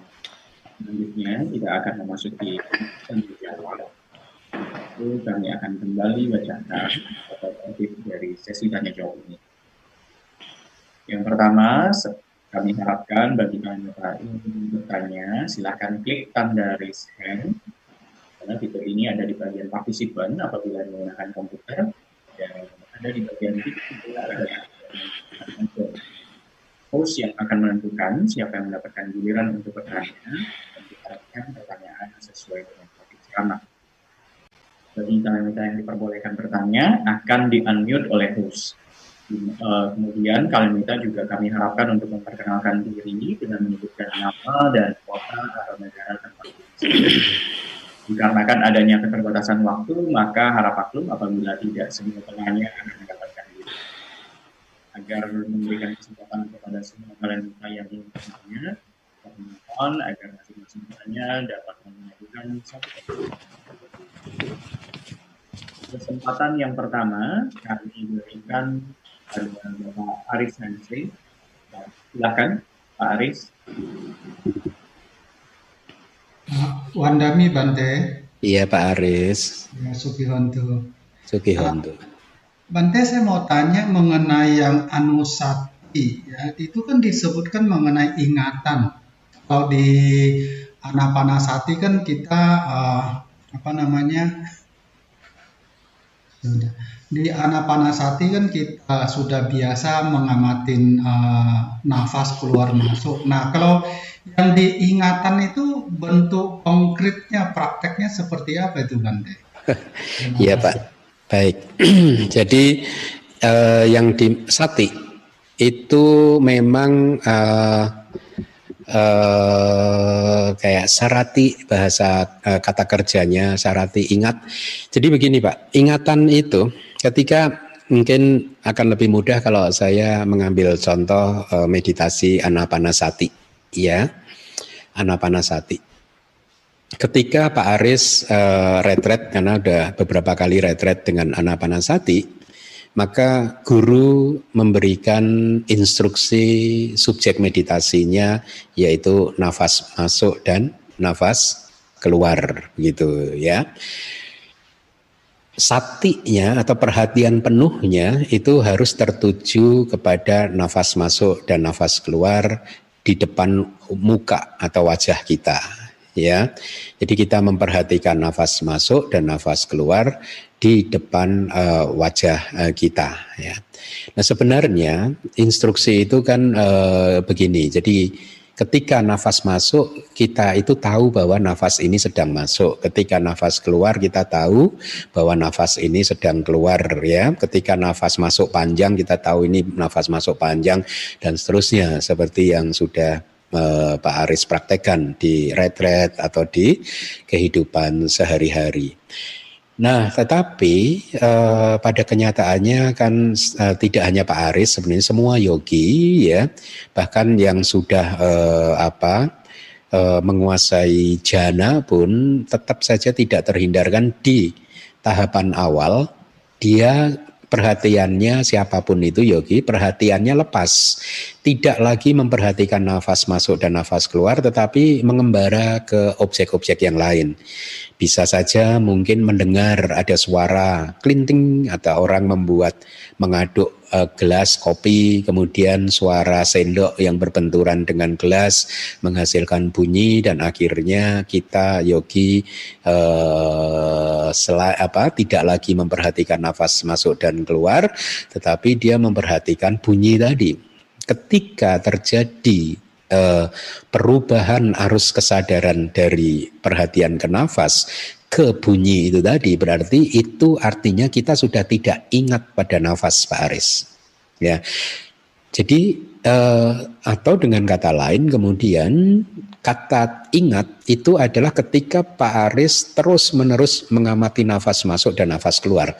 Atau subjek meditasi sesuai dengan tahapan yang uh, perkembangan uh, meditasi Pak Aris ya. Kalau misalkan sudah bisa mencapai uh, ugaha nimita, ya objeknya itu harus di situ ugaha nimita atau padi baga nimita. Biasanya kalau sudah sampai padi baga nimita maka akan ingat terus Pak, nggak akan lepas itu jarang untuk lepas gitu ya tapi ketika masih di di di parikama nimita atau uh, ugaha nimita itu masih sering lupa. Artinya sering memperhatikan objek selain subjek atau selain nimitanya ya either itu parikama nimita ataupun ugaha nimita. Nah uh, peralihan atau pen, pembelokan arus kesadaran, arus cita ke objek selain subjek meditasi itu diistilahkan sebagai bahwa kita sudah kehilangan sati kita terhadap objek meditasi ya. Ingat kata-katanya adalah kehilangan sati kita terhadap subjek meditasi. Karena mungkin saja ketika kita berwipasana, kita akan beralih dari satu objek ke objek yang lain tetapi dengan penuh perhatian, Pak itu dengan penuh perhatian. Katakanlah nih ketika berwipasana pada satu momen uh, yogi mengamati uh, uh, fenomena mental baik itu proses kognitif di uh, uh, pintu batin ataupun objek dari uh, proses kognitif di pintu batin. Ketika dia baru menganalisa itu itu karena kalau e, wipasana itu perhatiannya itu sudah sangat e, sempurna sehingga dia itu bisa melihat benar-benar bisa melihat e, perubahan atau aliran dari kesadaran itu ya. Sehingga ketika satu saat katakanlah dia mendengar suara, lalu dia benar-benar dengan penuh perhatian satinya itu tadi mengalir ke arah proses kognitif di pintu telinga begitu. Tapi itu ada uh, perhatian penuh yang sudah dimurnikan gitu ya. Tapi di tahapan awal yang tadi saya sampaikan tadi ketika Pak Aris tidak lagi memperhatikan nafas dan memperhatikan objek selain nafas, maka itu diistilahkan bahwa Pak Aris, uh, eh, uh, eh, kesadarannya sudah lupa terhadap nafas ya. Nah, ketika guru menginstruksikan kepada kita, maaf, menginstruksikan kepada kita bahwa objek hanya nafas masuk dan nafas keluar, ketika pikiran ini lari keluar dari nafas masuk dan nafas keluar, maka pada saat itu kita tidak mempunyai sati terhadap nafas masuk dan nafas keluar. Ya, itulah mengapa sebenarnya Pak Aris arti dari perhatian penuh sati, pemusatan perhatian anusati dan ingatan itu sama sebenarnya sama gitu. Itu berasal dari kata Pali yang sama gitu ya. Kalau sati itu berarti mungkin bisa sarana mungkin ya bahasa palinya, bahasa kata bendanya gitu ya. Itu sarana gitu. Nah, itu sebenarnya merujuk kepada faktor mental yang sama Pak. Cetasika yang sama yaitu cetasika sati gitu ya. Jadi ingatan yang ditanyakan oleh Pak Aris itu dalam konteks seperti itu. Ketika guru menginstruksikan objeknya adalah nafas masuk dan nafas keluar, maka kalau ada ingatan kita terhadap nafas masuk dan nafas keluar, pada saat itulah benar-benar kita memperhatikan nafas masuk dan nafas keluar. Tidak lupa lagi terhadap nafas masuk dan nafas keluar. Ya, lupa itu ya dalam uh, contoh tadi ketika kita sudah uh, uh, apa ketika ada suara kita memperhatikan suara maka pada saat kita memperhatikan suara kita lupa pada nafas masuk dan nafas keluar. Ya kita tidak ingat terhadap nafas masuk dan nafas keluar. Begitu. Jadi itu yang dimaksud dengan ingatan. Uh, kalau menurut saya itu sinonim sih pak sinonim karena berasal dari akar kata yang sama berasal dari faktor mental yang sama. Jadi ketiga kata itu perhatian penuh pemusatan perhatian kemudian ingatan itu uh, sinonim. Begitu pak Ya, uh, maaf Bante. Yang tadi uh, mengenai ingatan saya bisa paham, tapi mengenai uh, umpamanya sila nusati itu, kita harus mengingat sila diri sendiri. Nah, sila seperti apa sih uh, Bante yang harus kita ingat gitu kan? Itu itu. Oh, oke. Okay. Hmm. Iya Pak. Jadi sebenarnya tujuan dari sila nusati itu kan memunculkan pitik pamoja ya kegembiraan dan keriangan gitu ya e, mengapresiasi kehidupan kita sendiri. Karena pitik pamoja akan memunculkan pasadi dari pasadi akan muncul samadhi begitu ya.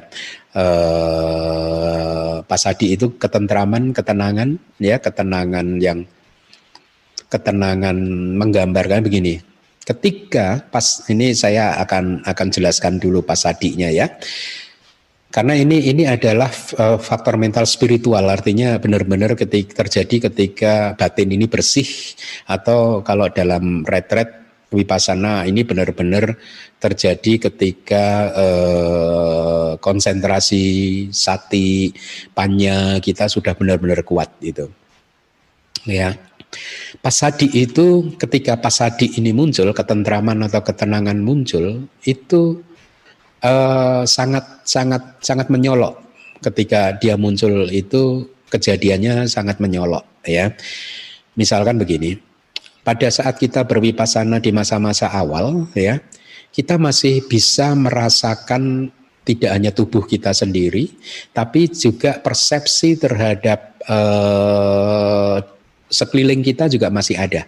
Jadi kita masih mempunyai persepsi terhadap tubuh kita sendiri, juga masih mempunyai persepsi bahwa kita masih berada di satu tempat dengan dikelilingi oleh sekeliling kita persepsi itu masih ada. Tapi walaupun demikian kita masih bisa berwipasana begitu ya. Masih bisa mengamati nama dan rupa dengan baik itu ya. Dan kita tahu bahwa pancani warana juga sudah tertekan. Tapi kalau ketika pasadi muncul itu tiba-tiba uh, yogi akan berada seperti berada di dalam ruang yang kayak kedap suara begitu Pak Aris. Uh, suasananya menjadi sangat berbeda gitu ya persepsi bahwa kita berada di mana, uh, kemudian juga kita dikelilingi oleh apa, oleh siapa, itu tiba-tiba hilang. Jadi kita seolah-olah masuk ke dalam ruang kedap atau mungkin ruang hampa begitu ya, dan yang ada hanya ketentraman di sana dan kita bisa melihat nama dan rupa itu dengan sangat jelas ya. Itu pasadi itu tahapan-tahapan eh, kemajuan kualitas batin. Itu dimulai dengan piti kegembiraan pamoja keriangan. Nah Uh, untuk memunculkannya uh, kegembiraan dan keriangan itu ya tadi dengan anusati anusati tadi ya dengan pemusatan uh, perhatian per, uh, pemusatan perhatian tadi begitu. Uh, uh, yang menarik adalah ketika biasanya batin ini sudah menjadi sedemikian uh, gembira, riang, bahagia, maka uh, batin ini akan mampu, kesadaran ini akan mampu mengamati objek dengan jauh lebih baik lagi. Nah, jadi tujuan dari anusati tadi adalah untuk membangkitkan itu tadi piti uh, dan pasadi. Ya di samping juga anusati anusati tersebut juga bisa menghasilkan konsentrasi ya, tapi memang uh, jalur terdekatnya setelah Anusati itu ya kegembiraan, keriangan begitu. Nah, Sila Nusati. Sila Nusati itu uh, jadi pertama kita harus memastikan bahwa praktek atau sila kita itu tidak pernah bocor untuk jangka waktu tertentu. Jadi biasanya akan dimulai Pak Aris ketika uposata katakanlah ya. Uposata eh, kalau Bante para sangga itu kan ke pati, membaca patimoka, mengulang patimoka. Kalau umat bisa mengambil sila pada sangga dan sejak hari itu bertekad ya untuk eh, saya akan pertahankan sila ini tidak terputus ya tidak tidak uh, melanggar sila yang mana pun sampai uposata yang ke depan begitu ya kalau uh, selama satu uposata dan uposata berikutnya berhasil dipertahankan, eh, ini bisa menjadi objek untuk anusati, untuk sila anusati, Pak. Kemurnian sila Pak Aris bisa dijadikan objek eh, untuk eh, eh, apa uh, anusati sila anusati yang diamati ya kemurniannya itu tadi beruntung saya selama dua minggu ini sudah berhasil menjaga sila saya ya. Dan semua orang suci itu mengambil jalan ini. Artinya mengambil jalan ini semua orang suci itu menjadi suci karena pertama-tama dia memurnikan silanya sebelum dia kemudian mencapai samadhi dan panya dan seterusnya jadi para Buddha di masa lalu juga uh, telah memurnikan silanya. Para Buddha sekarang yaitu Buddha, Gautama Buddha juga telah memurni, uh, telah melalui dengan memurnikan silanya dan para Buddha di masa depan juga akan seperti itu. Para Arya yang menjadi murid Buddha, Paceka Buddha itu semua juga menempuh jalur seperti ini yaitu dengan memurnikan sila. Nah sekarang selama dua minggu ini dari Uposata lalu sampai Uposata hari ini saya sudah berjuang keras untuk memurnikan sila. Hanya mengingat-ingat seperti itu sih Pak ya. Sehingga pada akhirnya uh, secara perlahan-lahan uh, kegembiraan keriangan uh, yang murni artinya murni itu terbebas dari kotoran batin kilesa ya uh, muncul begitu. Kira-kira seperti itu pak. Baik Bante makasih ya atau saya tambahkan sedikit lagi. Sebaliknya ketika sila kita kotor kita akan terhukum dengan sendirinya ya. Eh, sangga saya pun begitu. Kalau silanya kotor itu kayak kayak ada terhukum. Sehingga akhirnya apa? Sulit juga untuk memunculkan ke, eh, kegembiraan dan keriangan. Gitu sulit. Eh, Pak Aris boleh coba atau siapa pun juga boleh coba. Direnungkan ketika ada pelanggaran sila maka akan sulit untuk memunculkan pitik dan pamoja ya eh, kegembiraan dan juga eh, keriangan. Tidak akan bisa muncul ya. Batin kita tidak bisa tertipu ya. Dalam kehidupan sehari-hari kadang kita bisa dengan gampangnya saja melanggar sila dengan berpikir tidak ada risikonya ya. Atau misalkan saya begitu uh, biku yang tidak boleh makan di luar waktu yang tidak tepat begitu. Ya, bisa saja uh, ah nggak ada orang ini juga makan nggak apa-apa sore hari gitu. Dan berpikir bahwa ini tidak masalah gitu. tapi itu menjadi masalah yang besar pak. Gitu siapa pun yang melanggar sila akan sulit untuk membangkitkan pitik dan pamoja kegembiraan dan keriangan. Seperti itu ketika dia ingat ingat uh, pelanggaran silanya.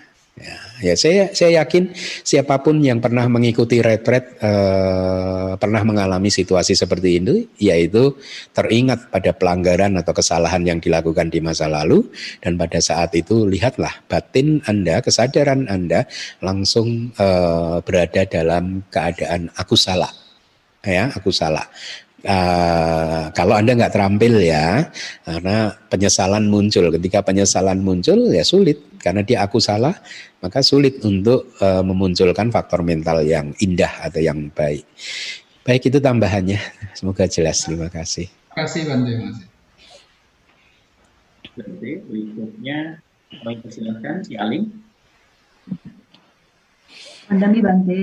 Ya. Bante, uh, Alif pernah baca kalau untuk meditasi dengan subjek astuba uh, itu hanya bisa mencapai sampai ke jana pertama. Kenapa ya Bante? Kenapa tidak bisa sampai jana keempat? Oh ya, karena uh, witakanya itu sulit untuk dilepas uh, witaka karena objeknya yang terlalu keras gitu istilahnya terlalu kuat gitu ya uh, sehingga uh, uh, apa apa karena witakanya sulit untuk dilepas, maka pencapaian jana-jana yang lebih tinggi itu uh, menjadi uh, sul, uh, tidak akan bisa dicapai gitu. Jadi kenapa? Uh, seingat saya ya, seingat saya kalau ini karena ini pelajaran lama sekali. Seingat saya objeknya itu terlalu kuat kesannya begitu. Terlalu kuat kesannya Eh, karena menjijikkan kan ya. E, jadi e, sedemikian kuatnya sehingga sulit untuk melepaskan witaka dan wicaranya. Oh, itu seingat saya. Mungkin mungkin nanti di di sorry saya ini dulu. Mungkin nanti di sub uh, topik yang ke, di belakang atau yang berikutnya dijelaskan mungkin ya mungkin saya saya juga belum membacanya lagi gitu. Bante, kalau yang disebut sebagai tadi yang terpotong atau yang berserakan itu itu hanya satu uh, satu potongan aja bisa dijadikan subjek meditasi seperti itu ya maksudnya Bante. Yang mana? Yang apa yang tadi? Untuk yang uh, mayat misalnya. Yang apa? Mayat, mayat. Oh, oke. Okay. Ya, yang asuba, uh, misalnya ya, kan ya, ada ya. yang terpotong, yang tulang ya, kan, ya. berarti ya. satu tulang saja itu Bante. Iya. Uh, uh. Uh, apa eh, masing-masing dari objek itu bisa dijadikan uh, objek untuk meditasi itu walaupun ada juga uh, saya uh, di kitab komentar itu saya pernah membaca begini. Jadi ketika para biku tahu ada seseorang atau biku yang baru meninggal dunia atau mungkin upasaka upasika yang baru meninggal dunia dan mayatnya diletakkan di ground-ground tertentu begitu ya. Maka uh, para biku tersebut memanfaatkan mayat tersebut untuk dijadikan objek marananusati uh, dengan berpindah berpindah tempat begitu. Dia akan berpindah uh, tinggal di dekat uh, mayat tersebut dan akan setiap harinya mengamati mayat tersebut sehingga keseluruhan proses itu tadi uh, mungkin nggak seluruh gitu ya tapi banyak proses tahapan pembusukan mayat itu bisa diamati. Begitu. Itu ada juga dari apa uh, uh, kitab komentar. Ada juga uh, apa? Uh, cerita misalkan seorang yogi uh, tinggal di hutan berarti seorang biku ya itu dengan membawa uh, tulang belulang satu saja itu tapi uh, seharusnya kalau dia membawa-bawa tulang satu tulang itu either dia mempraktekkan marana nusati atau bahkan mungkin dia akan mengambil warna putihnya itu sebagai uh, objek untuk kasina berwarna putih begitu. Itu juga ada dan saya juga pernah melihat uh, yogi yang berlatih bersama dengan saya ke mana-mana juga membawa tulang belulang. Hmm. Nah. Baik, Pak. Iya. Boleh, boleh lanjut satu, Pak. Ya. Ya, jadi kalau misalnya yang kasina itu kan awalnya waktu ugahan nita itu kasinanya kan masih uh, kadang masih ada uh, bekas apa uh, cacat-cacatnya gitu. Uh, kemudian pas saat masuk ke patibagan udah berubah jadi patibagan nita itu sudah uh, clear gitu, udah bagus gitu. Kalau misalnya untuk asuba bisa nggak Bante? Untuk asuba uh, hmm, saya terus terang belum pernah mempraktekkan, tetapi tetapi saya rasa uh, objek patik baga nimitanya karena patik baga nimita itu tetap saja uh, dia bebas dari cacat ya. Tapi saya rasa begitu uh, ini ini pendapat pribadi saya karena konsentrasinya tidak bisa dicapai untuk konsentrasi yang lebih tinggi lagi, maka padi baga nimitanya pun juga terbatas. Artinya terbatas itu eh, kecemerlangannya terbatas begitu. Itu dugaan saya. Makanya tadi saya singgung kan eh, tentang yogi kalau konsentrasinya sudah bagus dia bisa memanggil wajah dia sendiri begitu ya. Eh, itu pun juga prosesnya seperti itu. Ketika konsentrasi itu belum eh, meskipun sudah mencapai konsentrasi yang bagus eh, Semakin konsentrasi dia itu semakin kuat, wajah yang dia panggil itu semakin jernih, semakin bersih, bersinar. Makin makin kuat, makin bersih gitu. Jadi uh, saya rasa begitu sih, uh, karena dengan objek mayat itu tidak bisa menghasilkan jana yang lebih tinggi.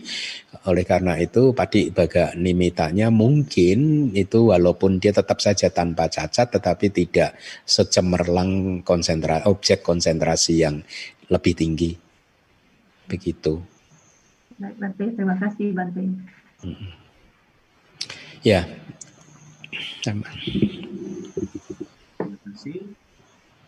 Kami kembali mengingatkan kalian mitra yang ingin bertanya, silahkan raise hand. Karena waktu uh, kita masih memiliki kurang lebih 5 menit ya kalau bagi yang ingin bertanya.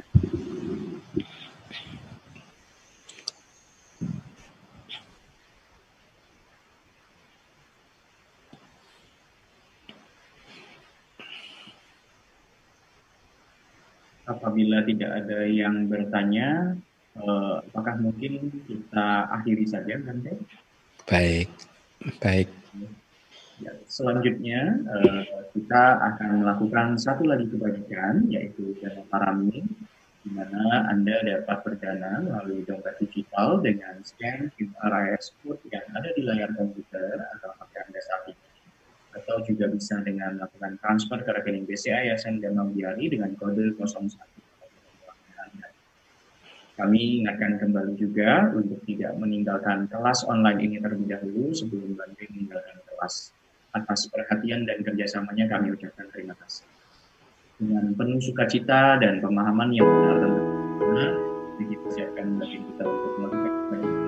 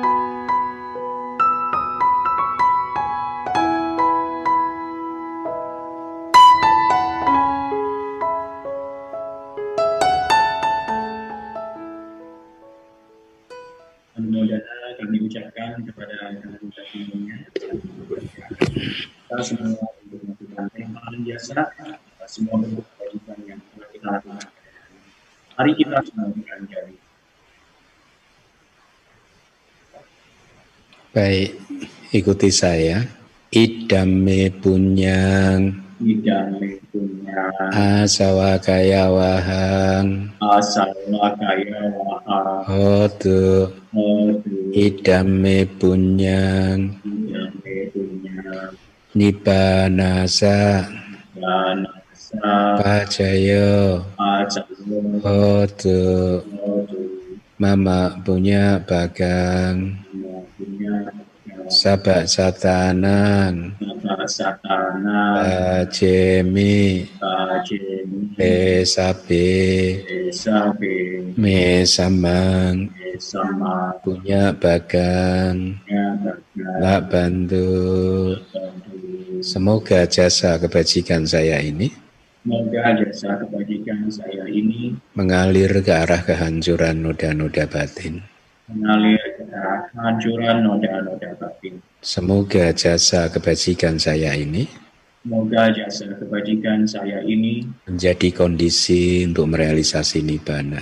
menjadi kondisi untuk merealisasi nibbana. Saya membagikan bagian kebajikan ini Saya membagikan bagian kebajikan ini kepada semua makhluk.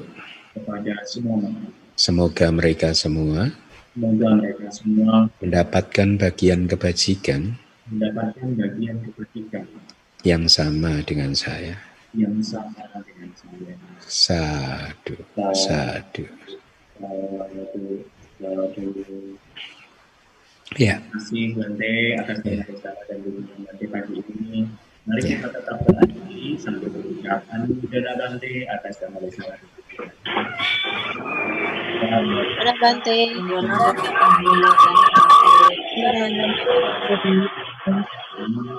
Silakan Bante. Iya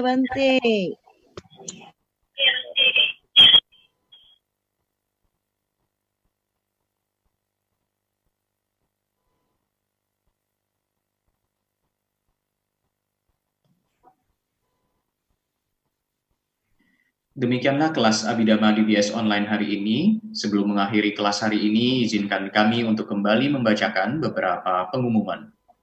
Pengumuman pertama, jangan lewatkan kelas Pariyati Sasana besok pada hari Minggu tanggal 16 Agustus 2020, di mana Bante Keminda akan membahas khotbah dari Buddha, yaitu khotbah tentang penghentian bentuk-bentuk pikiran yang mengganggu, bagian pertama, Vitaka Santana Sutta, melalui Zoom dan live streaming YouTube. Selanjutnya, kami informasikan kembali bahwa DBS akan mengadakan acara live peluncuran buku manual Abhidhamma Bab ke-7 volume yang pertama pada tanggal 20 Agustus 2020 via Zoom yang juga dihadiri oleh empat keynote speaker yang ada di layar Anda saat ini. DBS juga akan memberikan buku ini secara gratis kepada kalian semua dengan cara yang pertama, daftarkan diri Anda segera dengan Google Form melalui tautan yang ada di chat Zoom atau chat live chatnya YouTube saat ini dan juga sudah kami informasikan melalui WhatsApp Blast. Yang kedua, hanya yang uh, sudah mendaftar dan join full pada acara tanggal 20 Agustus melalui Zoom yang akan menerima buku ini secara gratis. Selain mendapatkan buku ini, kami pun akan membagikan tujuh paket buku manual Abhidhamma Bab ke-7 volume pertama beserta Rupang Buddha, di mana buku ini lebih spesial karena terdapat tanda tangan dan quote langsung dari Bante. Caranya mudah, cukup dengan mengikuti acara peluncuran buku ini dan menjawab pertanyaan dari kami di tengah acara nanti. Kami akan memberikan kepada tujuh penjawab pertama yang benar. Jadi segera daftarkan diri Anda sekarang dan pastikan Anda mengikuti acara peluncuran buku ini melalui Zoom pada tanggal 20 Agustus nanti. Selanjutnya, kami informasikan segera terbit buku Manual Abhidhamma Bab ke-7 volume kedua dengan judul kategori-kategori yang menjelaskan 72 dhamma realitas hakiki yang terdiri dari Aku Salah Sanggaha, Misakasa Sanggaha, Bodhipakkya Sanggaha, dan Sabha Sanggaha. Kami buka kesempatan perdana dengan kode 23, batas akhir 25 Oktober 2020. Berikutnya telah terbit buku 9 Sifat Agung Buddha edisi yang kedua yang diperbaharui dan bagi kalian yang berminat bisa menghubungi sekretariat DBS di 0813 8700 3600 atau bit uh, bisa kunjungi tautan bit.ly garis miring DBS Book.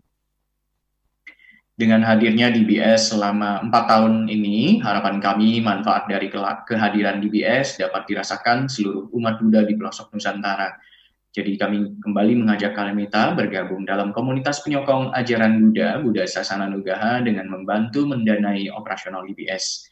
Untuk dana rutin dapat ditransfer ke rekening Yayasan DBS seperti yang ada di layar Anda saat ini. Kami juga memberikan kemudahan cara berdana untuk kepada Anda dan seluruh keluarga dengan berdana melalui GoPay eh, dengan kode di antaranya sebagai berikut untuk kode 00 untuk operasional DBS, 01 untuk keperluan sangga, 02 untuk keperluan pendidikan Samanera dan Sayalai, 03 penerbitan buku, 08 tawaradana, dan 10 untuk perpustakaan. Supaya tidak ketinggalan berita-berita DBS, mari bergabung dalam WA Grup Komunitas Buddha Sasana Nugaha, di mana bisa dikunjungi melalui HTTPS yang ada di layar Anda saat ini.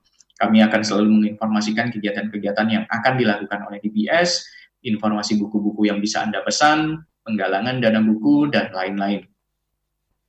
Terakhir, jangan lupa untuk follow, subscribe, dan like YouTube, Facebook, serta Instagram DBS supaya tidak ketinggalan informasi kegiatan DBS. Kami juga selalu akan membroadcast informasi-informasi kegiatan DBS selanjutnya melalui WhatsApp grup Buddha Sasana Nugaha tersebut dan juga sosial media lainnya. Akhir kata kami ucapkan terima kasih dan sampai bertemu di kelas selanjutnya. Sukiyontu Kalamita, semoga kita semua selalu dalam keadaan sehat dan berbahagia. Sadu, sadu, sadu.